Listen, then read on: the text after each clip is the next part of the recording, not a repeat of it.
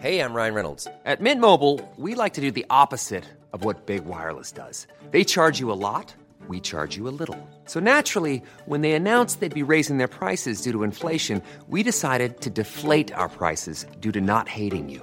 That's right. We're cutting the price of Mint Unlimited from $30 a month to just $15 a month. Give it a try at mintmobile.com slash switch. $45 upfront for three months plus taxes and fees. Promo rate for new customers for limited time. Unlimited more than 40 gigabytes per month. Slows. Full terms at mintmobile.com.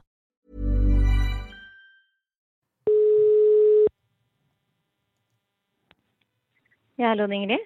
Hei Ingrid, det er Bjørn Egil fra Foreldrekoden. Du sendte oss en mail for en stund siden hvor du lurte på om ikke vi kunne lage en egen episode om barnehagestart. Hvorfor hadde du så lyst til at vi skulle lage noe på det? Jeg har en sønn på han har nettopp blitt ett år og skal starte barnehagen i august. Så jeg er veldig spent på hvordan det er for en ettåring å starte i barnehagen med de følelsene han har. Jeg, tror, altså jeg er veldig spent. Eh, jeg tror det blir veldig fint for han å leke med andre barn. Men så syns jeg det er også litt skummelt. At det, eh, det har vært så fint å ha den tida sammen med han. Så, så jeg syns det er litt sånn trist at jeg går glipp av alle de små øyeblikkene i, i hverdagen hans.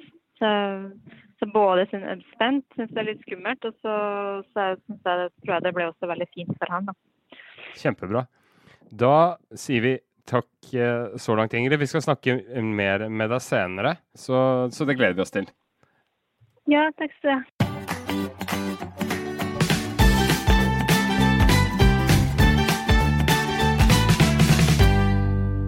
Ja, vi snakka altså med Ingrid, som er veldig spent foran uh, barnehagestart. Det er det nok veldig mange som er.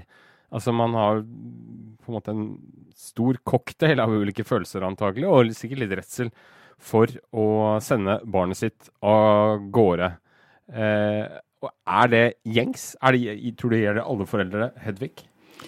Altså jeg må si at, eh, at det er en cocktail skal være helt sikkert. Det er jo litt deilig å tenke på at du nå kanskje får tid til å gå på do og til og med ta en dusj på et eller annet tidspunkt. Eh, så tanken om at, eh, at du får litt tenke, høre på hvilken podkast du vil på bussen til og fra jobben, kanskje. Altså, det er jo litt frihet i det å ha en barnehageplass. Men ettåringer er små, og jeg tror mange av oss kjenner på det når vi skal gå til den der første innkjøringsuka, at en ettåring er liten. Og da tenker vi på altså den helt normale frykten å ha Kommer de til å trøste barnet mitt? Får han det han trenger? i barnehagen, eller er de mest opptatt av at de bare driver med sine voksenting, og barna går litt for lut og kaldt vann der nede på gulvet? For vi vet én ting om små barn, og det er at de trenger så mye voksenkontakt. De trenger så mye ansikt-til-ansiktstid. De trenger så mye trøst for å ha det bra. Og de trenger så mye trøst for å utvikle seg sånn som de skal. Så jeg tror nok at den, hun er ikke alene, Ingrid, om å kjenne at hun vet at hun gir det kommer de voksne som hun nå er nødt til å stole på, til å gi det samme. Mm.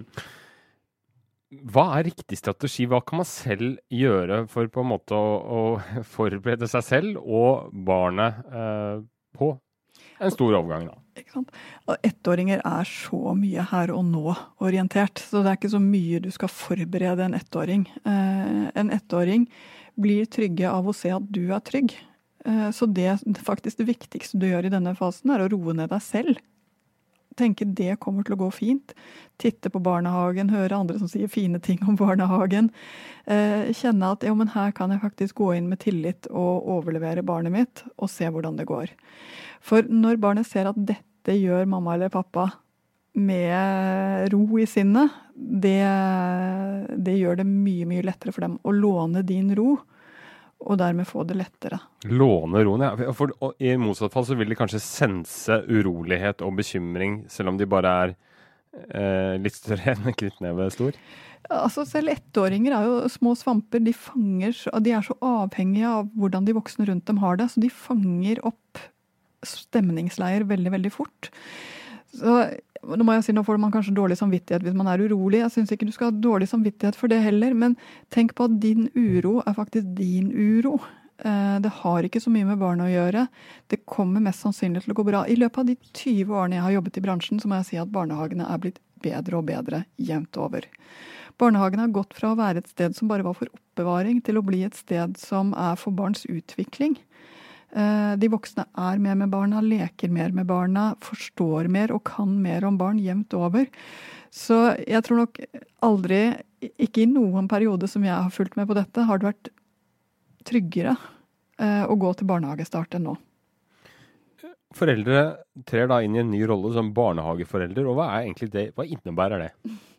Det innebærer masse samarbeid. Ja. Fordi her skal du samarbeide med, en, med andre voksne om ditt barn. Du trenger å fortelle litt om barnet. altså Hva er det for noen ting som gjør at hun sover? Hva trenger hun for å finne roen? Bruker hun smokk? Bruker hun en koseklut? Den type små informasjonsting er det viktig å overlevere. Eh, og så er det også så pussig fordi at barna plukker fort opp at ting er annerledes i barnehagen. Det er en annen voksen og andre voksne og andre barn.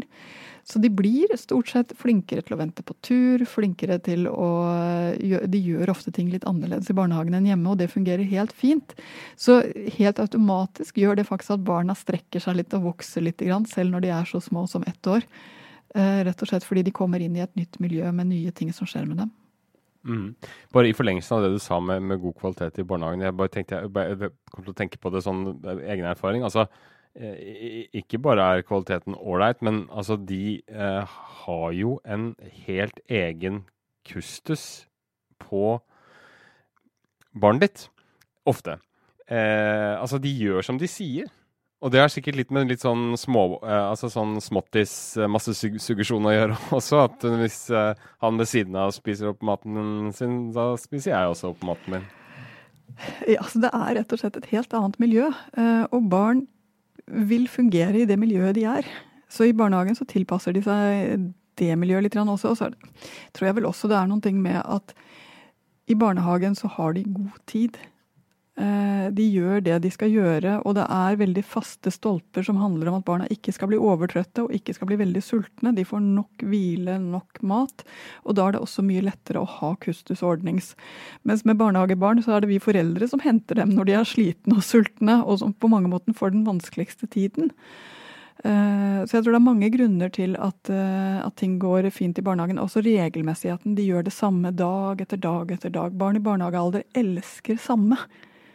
Eh, repetisjon. Eh, så barnehager har et eh, litt sånn arsenal av små triks som gjør at det går fint med en barnegruppe. Vi, altså, det er jo ikke bare nødvendigvis ettåringene som starter i barnehagen nå. Det er jo mange Det er overganger for flere barn. Altså noen skal skifte avdeling. hvor eksistensielt og nytt er det for, for barna? Å gå opp til storbarnsavdeling er en stor markør. Eh, og de syns nok, som regel, så legger de merke til det. Eh, at de skal inn dit. Det kommer, blir nye leker, det blir nye ting som skjer som de syns er stas. De har oftest vært på besøk. Eh, nå prøver man stort sett å gjøre disse avgangene mer glidende. Sånn at de i større og større grad er med de litt større barna, sånn at det ikke blir så brått. Det tror jeg er fint. Men du som voksen får ofte noe nytt å forholde deg til når det blir ny avdeling på samme barnehage. Det er nye voksne å forholde seg til igjen, du må lære deg navnet, du må lære dem å kjenne. Du må vite litt om dem, fordi det gjør det tryggere for barnet ditt. Nye rutiner, kanskje nye ting de skal ha med seg, nye krav til hva slags klær de trenger. Kanskje de er lengre ute av gangen, sånn at de trenger andre typer klær. Eh, det å lese den informasjonen du får, og sørge for at du faktisk har skjønt hva det er for noe barnet trenger, er en viktig voksenoppgave når barna bytter avdeling. Fordi de er helt avhengig av at du har ordnings på disse greiene. De kan ikke pakke sekken sin selv. Nei, de kan ikke det. Eh, er det andre ting man må tenke på hvis man, eh, når et barn skal eh, skifte til ny avdeling? Altså Det å skifte til ny avdeling, eller for den delen til ny barnehage, er jo også noe med det sosiale. Om de kjenner noen der eller ikke kjenner noen der. Og i ny avdeling så er det ofte flere barn som kjenner hverandre, som kommer opp. Det gjør det lettere, men de skal jo også begynne å orientere seg mot de nye barna og den større gruppen. Jeg ser ofte at barn blir mer slitne når de kommer opp på småbarnsavdelingen i en sånn overgangsfase, rett og slett fordi det er mer som skjer. Det er jo mer støy. Eh, så, så, det å tenke at eh, litt mer slack de første ukene, ikke lage for mye opplegg i helgene, ting som må gjøres, men tenke at da må vi faktisk hente oss inn igjen og slappe av litt av, sånn at den overgangen får tid nok og barnet får ro nok til å bli kjent med det nye. Gjelder det også når man flytter f.eks. Til, eh, til et nytt sted, til en annen kant av byen, må begynne på helt ny barnehage, kjenner ikke omgivelsene, kjenner ingen andre barn. Er det de samme måte tingene som gjelder da? Mm. Når, vi, eh, når, de bytter barnehage, så har de igjen behov for det samme, nemlig at du skjønner at dette er en stor ting for dem, og at du skjønner at det er en slitsom ting for dem. Og så tror jeg også de har behov for at de faktisk får lov til å eh, gå innom gamlebarnehagen og på en måte se at, fortsatt, at de andre fortsatt er der. Det er, det er noen ting med å huske på at de eh, går fra noen ting gammelt til noe nytt. Eh, det er nesten nyere og lettere å gå til det nye når du vet at det gamle fortsatt finnes. Og barns hukommelse er så vidt annerledes enn vår, sånn at de kan trenge litt hjelp med de tingene se bilder fra gamle barnehagen uh, litt etter. Og hvis de reagerer med å bli lei seg, så er det fint. Da trenger de nok å bli lei seg, og da trenger de å få, litt trøst. Og så sier du åh, ja, det er litt rart at de fortsatt går i gamle barnehagen. Uh, og så syns nok barnet stort sett det. Men det å ha en liten samtale rundt dette på det språknivået som barnet er, uh, når det har gått noen uker i ny barnehage, kanskje fem-seks uker, det er ofte fint for at barnet skal føle at det er liksom noen som husker på meg og mitt liv oppi dette også. Noe av det jeg syns er litt vanskelig som eh, barnehageforeldre selv, er den derre angsten man har for at ens eget barn skal være den som hentes sist, og leveres nesten først. Tar barnet skade av det? Ja, Gjett om jeg har lurt på dette selv. Jeg var jo mye alene med min uh, førstefødte. Og jeg kan vel bare helt ærlig si at jeg hadde en konstant knut i magen. Fordi ja, han ble levert tidlig, og ja, han ble absolutt hentet sist. Og når jeg hentet ham, så satt han på fanget til en av de voksne og ble lest for. Eh, fordi han var sistemann igjen. Så jeg husker jo fortsatt den gangen jeg tenkte at nå skal jeg hente ham tidlig. I dag skal jeg hente ham allerede klokken tre. Eh, og være garantert en av de første. Jeg tror ikke jeg rakk tre, men jeg kom absolutt som med en av de tidlige. Og han ble helt satt ut. Hva gjør du her? Eh, og jeg sa at nei, jeg henter deg tidlig så vi kan kose oss. Og så skjønte jeg etter hvert at det syntes han var helt pyton, for han så på den der eksklusive tiden på fanget til Bente som, som, en veldig veldig fin avslutning på barnehagedagen. Og han følte at jeg lagde tull i hans rytme når jeg kom så tidlig. Eh, så det skjønte jeg jo at han hadde faktisk fått noe fint ut av den ekstra halvtimen han hadde. Eh, jeg må bare si at Barnehagetidene i Norge er så vidt eh, altså de er ikke så lange. Eh, og de er ikke lengre enn det man trenger for å klare å ha en fulldagsjobb ved siden av. Jeg tror at dette handler litt om å ha rolige nok kvelder etter barnehagen. Ha tid til å være sammen, og ha rolige nok helger. Ha tid til å være sammen. Fordi barna har fortsatt stort behov for å være sammen med sine foreldre, sine søsken, være et oss der hjemme. Eh, så det å, å, prøve å lage hjemmet også til et sted hvor det er ro, ikke bare ting som skjer, skjer, skjer Så lenge du klarer den tingen hjemme, så spiller det ikke så stor rolle om du henter halv fire eller halv fem eller kvart på fem. Noe som kan være ganske vondt, det er jo hvis eh, barnet nærmest på daglig basis vræler og skriker og ikke vil være i barnehagen. Eh, og så går du, og så føler du deg som verdens verste forelder og person, og kan få litt klump i magen da. Hva gjør man da? Altså For det første, jeg tror ikke det er noen som går fri for dette. I en eller annen periode så vil barnet heller være hjemme. Og kanskje fordi hun har sett for seg at det skulle være hjemmedag, eller kanskje fordi hun syns at barnehagen ikke er noe fint sted. Altså Dette vet vi jo aldri helt. Men stort sett så leverer vi jo barn i barnehagen av to grunner. Det ene er fordi at eh, det er bra for barn å være der. Og den andre er fordi vi trenger å jobbe selv. Eh, det er såpass praktisk, dette her. Eh, og når du leverer, så er det noen ting du skal huske på. Det er at du leverer, du har et lite rituale for det. Eh, og det handler stort sett om altså Jo mer du klarer å samarbeide med barnehagen med at, dere, at dere, barnet kommer inn i noen ting som skjer i perioder hvor det er litt vanskelig, altså det går inn i en slags aktivitet, så hjelper det. Det gjør det litt lettere. At det er en voksen som du liker, som du leverer til, som det kan sitte på armen til og vinke, det hjelper også. Men fellen her er å drive med å gå frem og tilbake. Du går mot porten, og så gråter barnet, og så 'åh, nei, jeg må tilbake igjen og trøste', og så går du tilbake igjen og trøster, og så når du har trøstet, så begynner du å gå igjen, og så begynner du å gråte, og så går du frem og tilbake, frem og tilbake. Da får du en helt forferdelig start på dagen, både for barnet og for deg. Så det ene er du må stole på at de voksne i barnehagen tar veien videre, og at de ringer deg hvis barnet ikke roer seg ned. Og det må du gjerne avtale. Si at uh, hvis han gråter lenge, så vær så snill og ring meg. Det er en helt fin beskjed å gi til de voksne i barnehagen. Uh, hvis du er urolig for det. Uh, men det er bedre enn at du går frem og tilbake og lusker rundt hjørnene, og barnet aldri får lov til å slå seg til ro den dagen hos, hos, de voksne i barnehagen. det andre det er at Tenk da, OK, her er min lille toåring. Og ofte skjer det, dette når de kommer opp i to og et halvt treårsalderen, at de virkelig går i vranglås for, for levering. Eh, hvordan er det? Er det noen ting som, eh, som, de kan gjøre annerledes i barnehagen? Er det noen ting jeg burde snakke med dem om? Eh, har han det sånn som han burde ha det? Altså Snakk litt med dem om, om, det, om, det, Hvordan har han det? Hva gjør han for noen ting? Hvordan funker det nå? og hør på de svarene du får fra de voksne. De er dyktige, de som jobber i barnehage, jevnt over.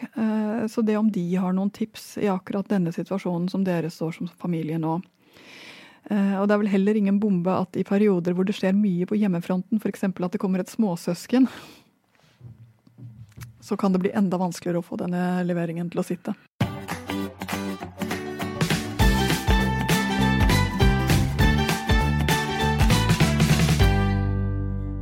Her i vinter så hadde jeg en liten episode som fikk meg til å føle meg som cirka verdens verste uh, far.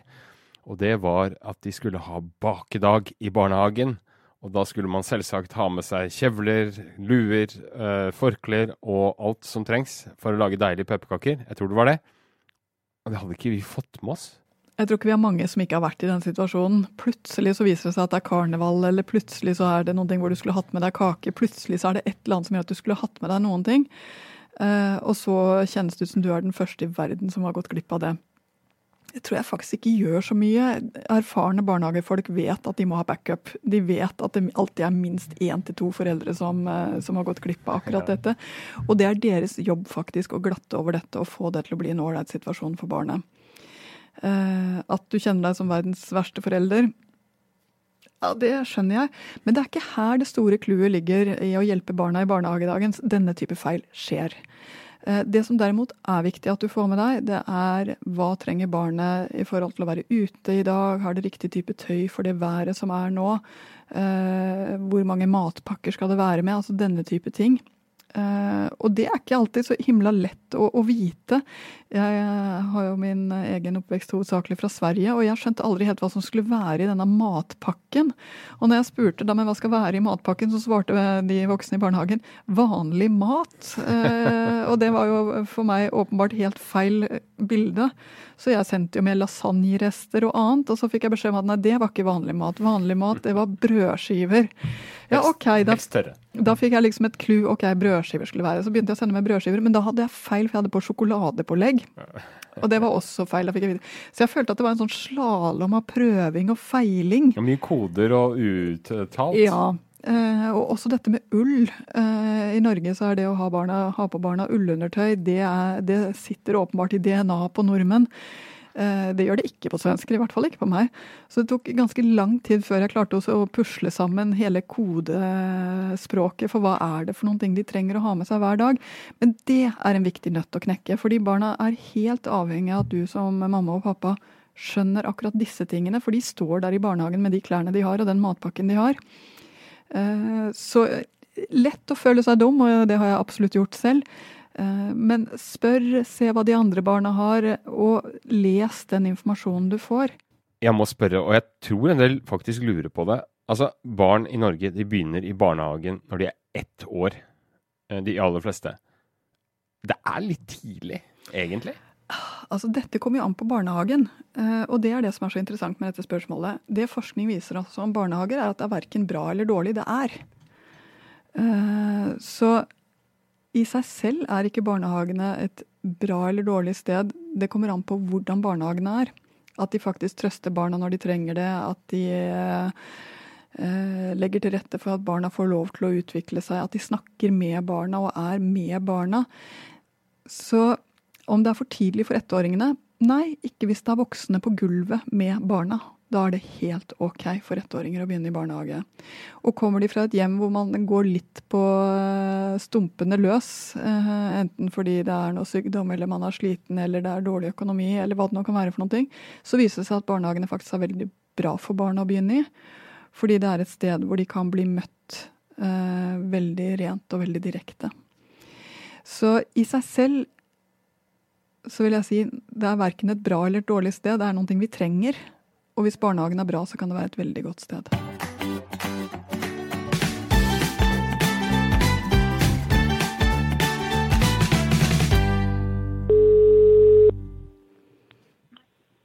Ja, det var Ingrid. Hei, Ingrid. Da lovte vi at du skulle få stille noen litt flere spørsmål, og eh, som Hedvig kan få svare på, rett og slett. Så hva er det du lurer på nå foran barnehagestart? Jeg lurer på hvordan vi som foreldre kan legge best mulig til rette da, for at det blir en uh, fin start. Finest mulig start for sønnen vår. Ja, ikke sant. For et godt spørsmål.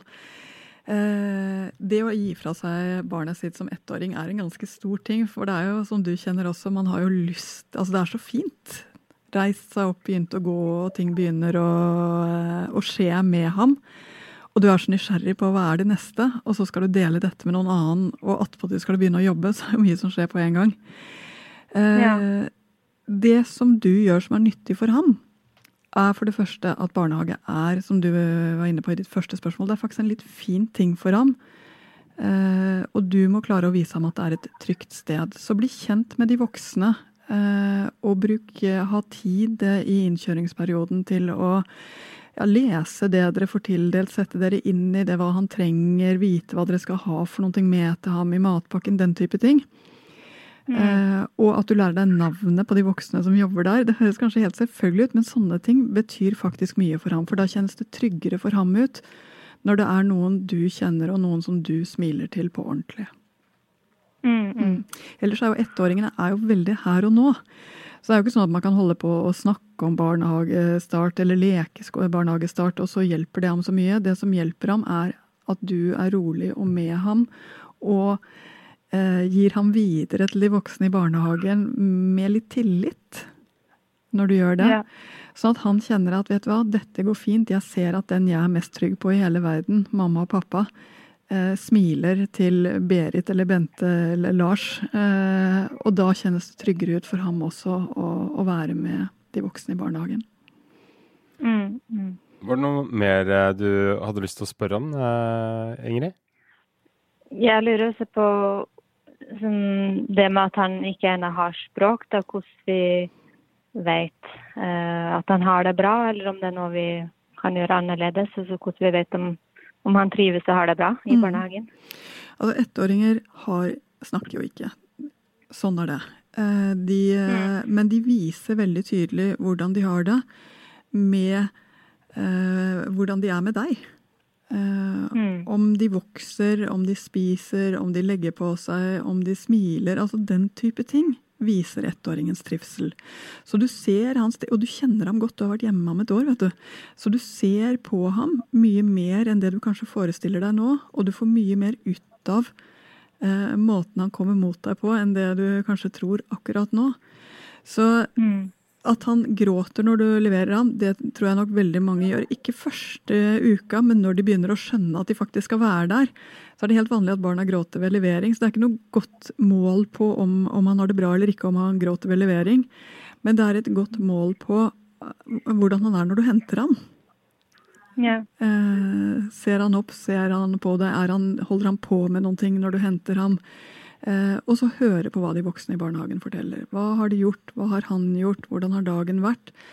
Eh, disse små overleveringene som du etter hvert kommer til å bli vant på til som pulsslag, betyr ganske mye, for den informasjonen tar du med deg resten av dagen. Mm. Ingrid, vi har tid til et spørsmål til. Er det noe mer du lurer på? Vi skal snart ha tilvenning i barnehagen, og da lurer jeg på hvordan vi kan bruke de dagene best mulig da, som Mm. foreldre. De dagene handler egentlig bare om én ting, og det er at gutten din skal eh, bli kjent med minst én og helst to av de voksne som jobber på den avdelingen han begynner på. At de blir kjent med ham og skjønner hvordan man trøster og hvordan man hjelper ham når han har det vanskelig. Og at han kjenner at det er noen som kan hjelpe meg og kan trøste meg når jeg har det vanskelig. Så den, de første par dagene er du stort sett der hele tiden sammen med ham. Eh, og det du gjør da, er jo å vise at dette er et ålreit sted.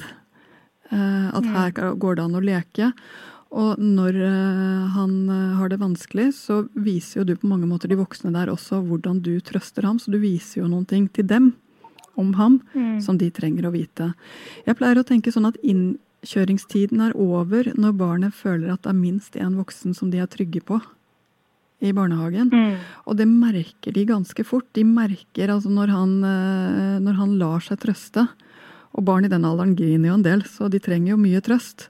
Og når han lar noen annen trøste seg, da er på mange måter innkjøringstiden over. Så det å gi dem tid til å bli kjent med barnet ditt, det å gi dem anledning til å bli kjent med barnet ditt, det er egentlig det du gjør i innkjøringstiden. Mye mer enn noe annet. Mm. OK. Var det noe Fikk du noe ut av det, eller? Ja, det var veldig fint. Tusen takk. Det, det føles, uh, føles bedre. Og Det er bra, da. Kjempebra. Mm. Men da uh, får Ja. du og mannen din, eller samboeren din, ha uh, masse lykke til, og sønnen din, da. Ha masse lykke til med barnehagestart. Og så er jeg sikker på at det blir veldig fint. Jeg vet ikke om noen førstegangsforelder som ikke har kjent på den der hjertebanken, og annengangsforelder og tredjegangsforelder. Går dette bra? Ja. Eh, Men med, hvis barnehagen bare er ålreit, fra ålreit og oppover, så går det faktisk kjempefint. Ja. ja. Så all mulig lykke til. Da tror jeg vi lar det være nesten siste ord i denne bonusepisoden om eh, barnehagestart. Eh, men vi må jo selvfølgelig spørre på slutten, Hedvig, om hvis du vil at folk skal huske én ting, altså en du, eh, om barnehagestart, hva vil det være? Sørg for at du holder kontakten med barnet ditt og har fin tid med det hjemme fortsatt, selv om det går i barnehagen. Barnehagen kommer i tillegg til den tilknytningen du har med barnet ditt, og sånn sett så gjør det livet større for barnet. Jeg vet ikke om det går an å si at det finnes en, en, en felle eller en, en don't uh, her, gjør det det? Jo, det gjør det. For mye engstelse gjør at barnet blir utrygt i forhold til sin barnehagestart. Så snakk med venninner om det, snakk med kjæresten din om det, snakk med andre om det, til du har fått tryggheten ned i magen. Det hørtes ut som et veldig godt råd. Det var det vi hadde i denne ekstraepisoden. Håper du har hatt, eh, du som har barnehagebarn, har fått noe ut av det. Eh, Det tror jeg faktisk. Eh, Det har jeg selv. Så da får du bare følge med i podkastfeeden din, for plutselig så kommer vi med mer. Ha en fin dag, ha en fin uke, ha en fin tid, og så høres vi igjen. Ha det bra.